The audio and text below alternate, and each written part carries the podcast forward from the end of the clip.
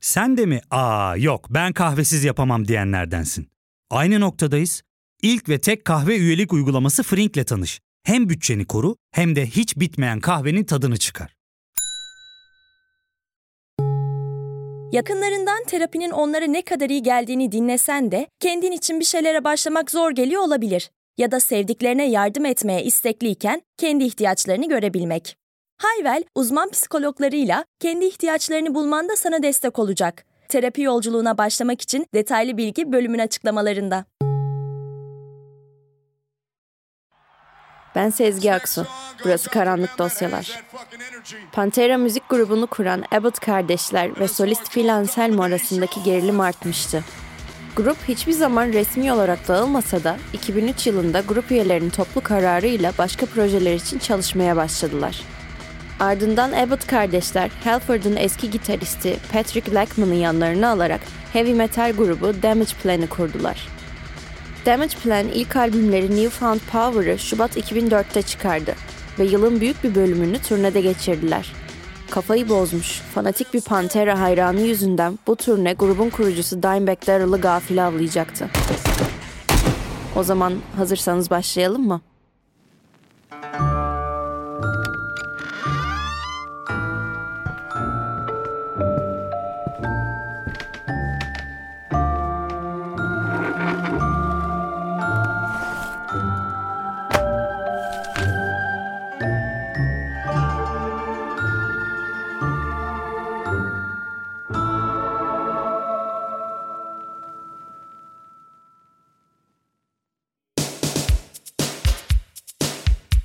Daryl Lance Abbott ya da bildiğimiz adıyla Dimebag Daryl 20 Ağustos 1966'da Texas Ennis'te doğdu. Carolyn ve Jerry Abbott'ın ikinci oğluydu. Babası Jerry bir country müzik yapımcısıydı.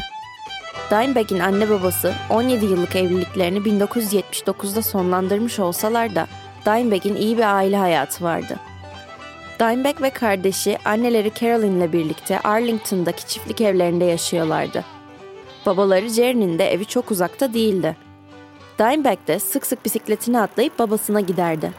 Müzikle olan bağı ailesi tarafından desteklenirdi. Babası ona gitar dersleri veriyordu. Carolyn de oğlunun müziğe olan aşkına daima anlayışlıydı. Babası Jerry Abbott, Dimebag'in müzik ve gitar sevgisini neyin şekillendirdiğini gerçekten bilen tek kişi olarak tanımlanırdı. Bir baba olarak hem Dimebag'in gitar sevgisinin oluşmasını sağlamış hem de 1981'den 1989'a kadar grubu Pantera'nın da yapımcılığını üstlenmişti. Dimebag'in müzikle olan yolculuğuna baktığımızda 12 yaşında gitara başladıktan sonra ilk gitarı bir Pignoz amfisiyle birlikte aldığı Les Paul tarzı bir Hohner'dı. Black Sabbath, Judas Priest, Kiss ve Van Halen gibi isimleri ilham olarak alırdı. O sırada gitarı henüz çalamamasına rağmen Ace Frehley tarzı bir makyaj yapar ve odasındaki aynanın önünde gitar tutarak pozlar verirdi. Hatta Dimebag, Dimebag olmadan önce kendine bir sahne adı olarak Diamond Daryl seçti. Bu ismi seçerken de Kiss'in Black Diamond şarkısından esinlendiği bilinir. Dava boyunca da bu sebeple ona bazen Dimebag, bazen de Daryl diyeceğiz. Müzik yolculuğunda babası Jerry, Dimebag için önemli bir yere sahipti ona nasıl gitar çalınacağını Dimebag için de güçlü ilham kaynağı olan Kiss şarkılarından öğretmişti. Jerry'nin stüdyosunda kayıt yapanlar arasında Bugs Henderson gibi country müzisyenleri de vardı. Daryl onlar sayesinde farklı tarzlarda çalmayı öğrendi. Dimebag ilk gitarını almadan önce abisi Winnie ise davul çalmaya başlamıştı. Dimebag de daha önce davul çalmayı denemişti ancak zamanla Winnie bu konuda daha iyi hale geldi ve Dimebag'in davullarına dokunmasına izin vermemeye başladı. Abbott kardeşlerin ilk doğaçlama seansı 6 saatlik bir Smoke on the Water performansıydı. Dimebag 14 yaşında Dallas'taki Agora Balo salonunda bir gitar yarışmasına katıldı. Annesi kendi başına girecek yaşta olmadığı için kulübe kadar ona eşlik etti. Jüri üyelerinden biri Dean Guitars'ın kurucusu Dean Zelinski'ydi Heyecan doruktaydı. Yarışma başladı. Dimebag gitarına dokundu ve yarışmayı kazandı. Hatta jüri üyesi Zelinski herkesi kendine hayran bıraktığını söyledi. Daryl bölgedeki diğer birçok gitar yarışmasına daha katıldı ve katıldığı her yarışmayı kazandı. Bu yüzden yarışma yapımcıları artık katılmamasını, bunun yerine jüri üyesi olmasını istediler. Peki Pantera nasıl kuruldu? Pantera 1981 yılında Winnie'nin lisedeki sınıf arkadaşlarıyla aldığı bir karar sonucu kuruldu. Grubun üst seviye bir gitariste ihtiyacı vardı ve Winnie'nin küçük kardeşi Dimebag'e o soru geldi. Bizimle çalar mısın Dimebag? Grup artık tamamlanmıştı. Dimebag'in abisi davulcu Winnie, gitarist Terry Glaze, basçı Tommy Bradford ve vokalist Donny Hart vardı. Beraber çalmaya başlayan grubun esin kaynakları yıllar içinde değişiyordu. Bu değişim kardeşlerin ve tüm grubun müzik anlayışına da etki ediyordu. 1986'nın sonlarında Glaze'in ayrılmasından sonra vokalist Donny Hart da grubu bıraktı. Hart'ın yerine gruba Phil Anselmo katıldı. Anselmo, nevi şahsına münhasır bir deliydi. Sahnede ve sahne dışında kontrol edilemez bir karakterdi. Bu hali de Pantera'nın yeni kimliğini oluşturacaktı. Pantera ile 80'li yıllarda dönemin müzikal akımlarının peşinden gitmiş olsalar da Dimebag'in 89'da aldığı bir teklif sonrası grubun da Dimebag'in de kaderi değişti. Artık müzikleri duyuluyordu. 1989'da Dave Mustaine, Dimebag'den Megadeth'e katılmasını istediğinde ancak abisi de onunla gruba alınırsa katılabileceğini söyledi. Fakat Megadeth'in bir davulcusu zaten vardı. Winnie'ye grupta yer yoktu. Bu sebeple Dimebag Megadeth'e katılmayı reddedip Pantera'da kaldı. Şimdi çok kısa bir aramız olacak. Ardından tekrar sizlerle birlikte olacağız. Ya fark ettin mi? Biz en çok kahveye para harcıyoruz. Yok abi, bundan sonra günde bir. Aa, sen Frink kullanmıyor musun? Nasıl yani? Yani kahvenden kısmına gerek yok. Frink'e üye olursan aylık sadece 1200 TL'ye istediğin çeşit kahveyi istediğin kadar içebilirsin. Günlük 40 TL'ye sınırsız kahve mi yani? Çok iyiymiş. Aynen. Hatta şu anda 200 TL'lik bir indirim kodu da var. E hadi hemen indirip üye ol da bu fırsatı kaçırma.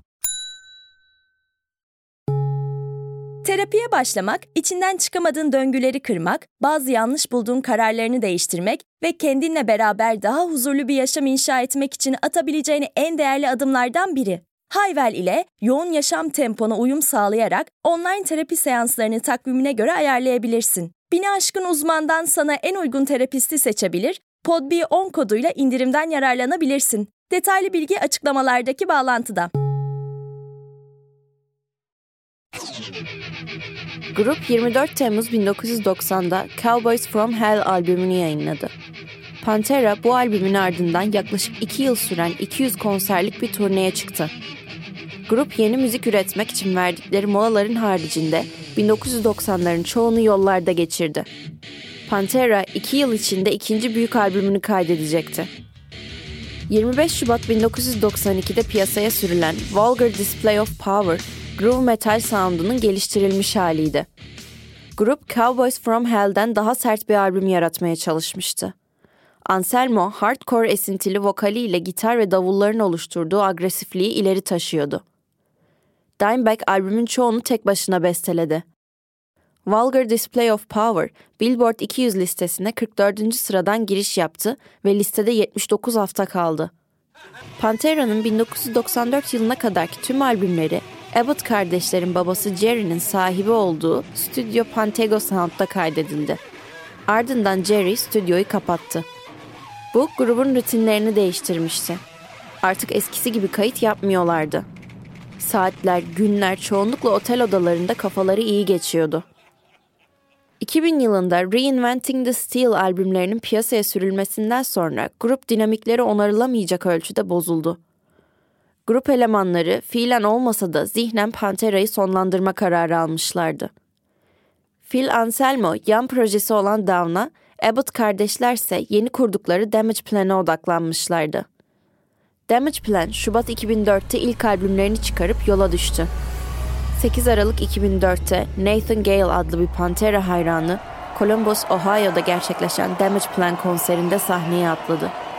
Bu sahneye atlama sıradan bir hayran gösterisi değildi. Yaşanan arbede sonrası aydınlatma ve diğer sahne ekipmanlarında 1800 dolarlık bir hasar çıktı. Ancak Damage Plan mahkeme işlemleri için Cincinnati'ye dönmek istemedikleri için dava açmamayı seçti. Grup olay anında da çok etkilenmemişti. Hatta o sırada Lackman, sizi grubun 5. üyesiyle tanıştırmak istiyorum diye şaka yaparak konuyu geçiştirmişti. Ancak grubun 5. üyesi Gail sahneye tekrar çıkacaktı. Peki kimdi bu hırçın hayran Nathan Gale? Nathan Gale 11 Eylül 1979'da Ohio Marysville'de doğdu. Ohio Birleşik Devletler'in en kapalı, bağnaz eyaletlerinden biri olarak da bilinir. Gale da bundan etkilenerek büyüdü. Sık sık birilerinin kendini gözetlediğini söylerdi. Gale'ın annesi Mary Clark bunu oğlunun yoğun uyuşturucu kullanımına bağlıyordu. Gale bir gün annesiyle büyük bir kavga etti bu kavgada annesine şiddet uyguladığı tüm mahallede fark edildi ve polis çağrıldı. Polisler geldikten sonra kavgayı ayırmayı başarıp Gale'ın eve girmesini yasakladı. Gale bir süre dilencilik ve hırsızlık yaptıktan sonra uyuşturucu rehabilitasyonuna girmeyi kabul etti. Başka çaresi de yoktu. 11 Eylül saldırılarından tetiklenen Gale, Şubat 2002'de Birleşik Devletler Deniz Piyadelerine katıldı. Oğlunun yeni kariyerinden gurur duyan Clark, temel eğitimi tamamladıktan sonra Gale'a Noel hediyesi olarak Beretta bir tabanca satın aldı. Ancak bir yıl sonra Gale ordudan terhis edildi. Gale annesine paranoid şizofreni teşhisi nedeniyle askerliğinin bitirildiğini söyledi. Ancak ek bir tedavi olmayı reddetti. 1.91 boyunda ve 121 kilo olan Gale, askerden terhis olduktan sonra boks ve Amerikan futbolu ile ilgilenmeye başladı. Kuzeybatı Ohio'da yarı profesyonel bir futbol takımına katıldı. Maçlardan önceki rutini ise Pantera dinlemekti. Hayatı boyunca sıkı bir metalci olan Gale, lisedeyken Pantera'yı takıntı haline getirmişti. Grubun 2003'te dağılmaları onun saplantısını daha da arttırmıştı. Gale'ın eski arkadaşı Dave Johnson gazetecilere Gale'ın onlara Pantera'nın bazı şarkı sözlerinin kendisine ait olduğunu, Pantera'nın sözleri ondan çaldığını ve hatta kimliğini çalmaya çalıştıklarını iddia ettiğini söyledi. Davranışları giderek daha da düzensiz hale geldikçe Gale'ın birçok arkadaşı ondan uzaklaşmaya başladı. Onun kendi kendine konuşup güldüğünü ve bazen elinde hayali bir köpeği tutuyormuş gibi davrandığını söyledi. Bir keresinde eski bir arkadaşına Tanrı'nın ondan Marilyn Manson'ı öldürmesini istediğini söylemişti. Komşuları Gale'ı sessiz, mesafeli ve koyu çerçeveli gözlük takan biri olarak hatırlıyordu. Gale terk edilmiş bir mağazanın üstündeki bir apartman dairesinde tek başına yaşıyor ve Damage Plan'in şehrine geleceği geceyi beklerken silahıyla oynuyordu. 8 Aralık 2004'te Damage Plan, Columbus, Ohio'daki Alrosa Villa Gece Kulübü'nde bir konser verecekti. 600 kişilik salon akşamki gösteri için 250 bilet satmıştı.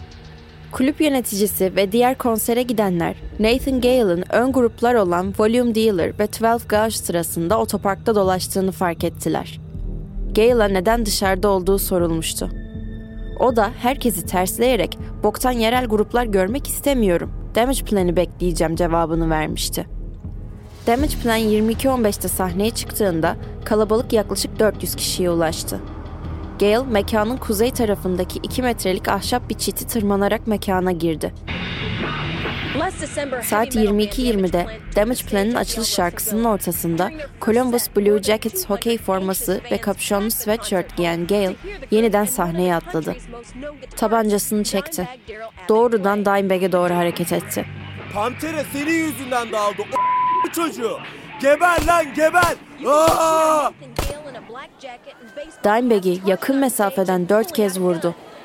Mermiler sağ yanağına, sol kulağına, başının arkasına ve sağ eline isabet etti. Bazı seyirciler bir silahlı çatışma yaşandığını anlamamışlardı bile. Her şeyin bir oyun olduğunu düşünerek yumruklarını sallamaya devam etmişlerdi. Dimebag'i vurduktan sonra Gale, tur yöneticisi Chris Paluska ile başlayarak diğer seyircilere ateş açtı. Gale Chris'i bir kez vurduktan sonra Damage Plan güvenlik şefi Jeffrey Mayhem Thompson ona arkasından hamle yaparak yere yığmaya çalıştı. Ancak ardından gelen mücadelede Thompson ölümcül bir şekilde göğsünden ve sırtından vuruldu. Başka bir Damage Plan hayranı 23 yaşındaki Nathan Bray sahneye atlayıp Dimebag ve Thompson'ı hayata döndürmeye çalışırken göğsünden vuruldu. 29 yaşındaki Alrosa Villa çalışanı Erin Stoney Hulk altı yerinden vuruldu. Dördü göğsünden, biri elinden ve biri bacağındandı. Erin'in vurulduğu sırada ya Thompson'a yardım etmeye çalıştığı ya da Gale'ı silahı yeniden doldurmadan önce yere yıkmaya çalıştığı söylenmekte. Volume Dealer'ın yol ekibinin bir üyesi olan Travis Burnett, Gale'ı etkisiz hale getirmeye çalıştı ve sol ön kolunu bir kurşun sıyırdı. Burnett ardından silah kafasına doğrultulunca olay yerinden kaçtı. Ardından davul teknisyeni John Cat Brooks Gale'ı bastırmaya çalıştı. Bu sırada bacağından iki kez vuruldu ve Gale tarafından rehin alındı. 911 çağrısına 3 dakika içinde yanıt veren Columbus polis memuru James Nigmeyer kulübe bir kulis kapısından girdi. Saldırgan Nathan Gale'ı 12 kalibrelik Remington model 870 av tüfeğiyle kafasından tek kurşunla vurup öldürdü. Gale öldüğü sırada berettasında yarı dolu bir şarjör ve cebinde 30 mermi daha vardı. Hayranları Dimebag'i sahneden çıkardı ve sağlık görevlileri olay yerine gelene kadar onu var güçleriyle hayata döndürmeye çalıştı. Ancak Daryl Abbott namı diğer Dimebag olay yerinde hayatını kaybetti. Olay yerinden sevk edilen çok sayıda ölü ve yaralı vardı. Polis memurları çatışmadan sonra Gale'ın dairesinde el yazısıyla yazılmış iki not buldu. Birinde Canlanacağım göreceksin. Hayatını alıp benim yapacağım. Senin hayatın artık benim hayatım. Ben yokum. diğerinde de Gökyüzünün düştüğünü göreceksin. Domuzu uçuracağım. Yap ve öl. Yap ve öl. Franklin County Adli Tıp Ofisi tarafından gerçekleştirilen bir otopsi, Gale'ın vücudunda reçeteli ilaç veya herhangi bir uyuşturucu izine rastlanmadığını gösterdi. Gale'a olay yerinde ölümcül güç kullanan polis memuru Nick Meyer ise jüri önüne çıkarıldı. Savcı Ron O'Brien hiçbir noktada Nick Meyer'ın suçlanmasını beklemiyordu ve beklenen karar 23 Mayıs 2005'te açıklandı. Saldırgan Nathan Gale'ı öldüren polis memuru James Nigmeyer suçsuz bulundu ve çatışma sırasındaki eylemlerinden dolayı bir dizi ödül aldı. Öyle ki Gale'ın annesi Clark bir açıklamasında Nigmeyer'dan kahraman olarak bahsetti. Dimebag heyecanlı konserlere alışıktı. Hemen hemen her konserinde sahneye atlayan seyirciler kalabalık bir dinleyici tarafından el üstünde taşınırdı. Crowd surfingler yapılır, konserler çılgınlarca dinlenirdi. Dimebag bunu desteklerdi. Ölümle de işte bu çılgın konserlerden birinde karşılaşmıştı. Onun kaybı zamanın diğer büyük grupları ve sanatçıları arasında kitlesel bir keder yarattı. Dimebag için diğer gruplar tarafından birçok şarkı yazıldı. Dimebag Darrell anısına Dimebash adlı bir konser serisi 2010'dan beri her yıl düzenleniyor. Konserin tüm geliri ise Ronnie James Dio Stand Up and Shout Cancer Fund'a gidiyor. Dimebag'in son anına kadar yanında olan abisi Winnie Paul, 2018 yılında geçirdiği bir kalp krizi sonucu hayatını kaybetti. Tıpkı Winnie Paul'un ölmeden önce verdiği röportajlardan birinde söylediği gibi, onlar ayrılmaz kardeşler olarak tekrar buluştular.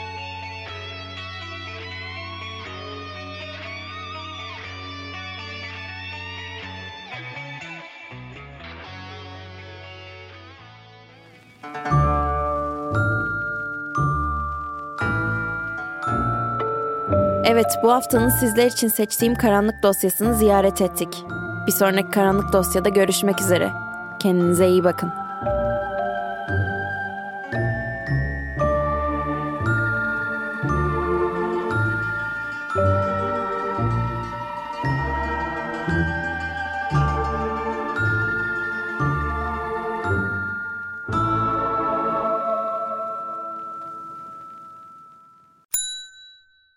Ve tek kahve üyelik uygulaması Frink, 46 ildeki 500'den fazla noktada seni bekliyor. Açıklamadaki kodu girerek sana özel 200 TL'lik indirimden faydalanmayı unutma. Hadi sen de Frink üyeliğini başlat, kahven hiç bitmesin. Hem bugününe hem yarınına katacaklarıyla terapi yolculuğuna ve daha iyi hissetmeye bugün Hayvel ile başla. Açıklamadaki linkten Hayvel'i indir, ücretsiz tanışma görüşmelerinin ardından bütçene uygun seans paketini seç ve terapi yolculuğuna başla.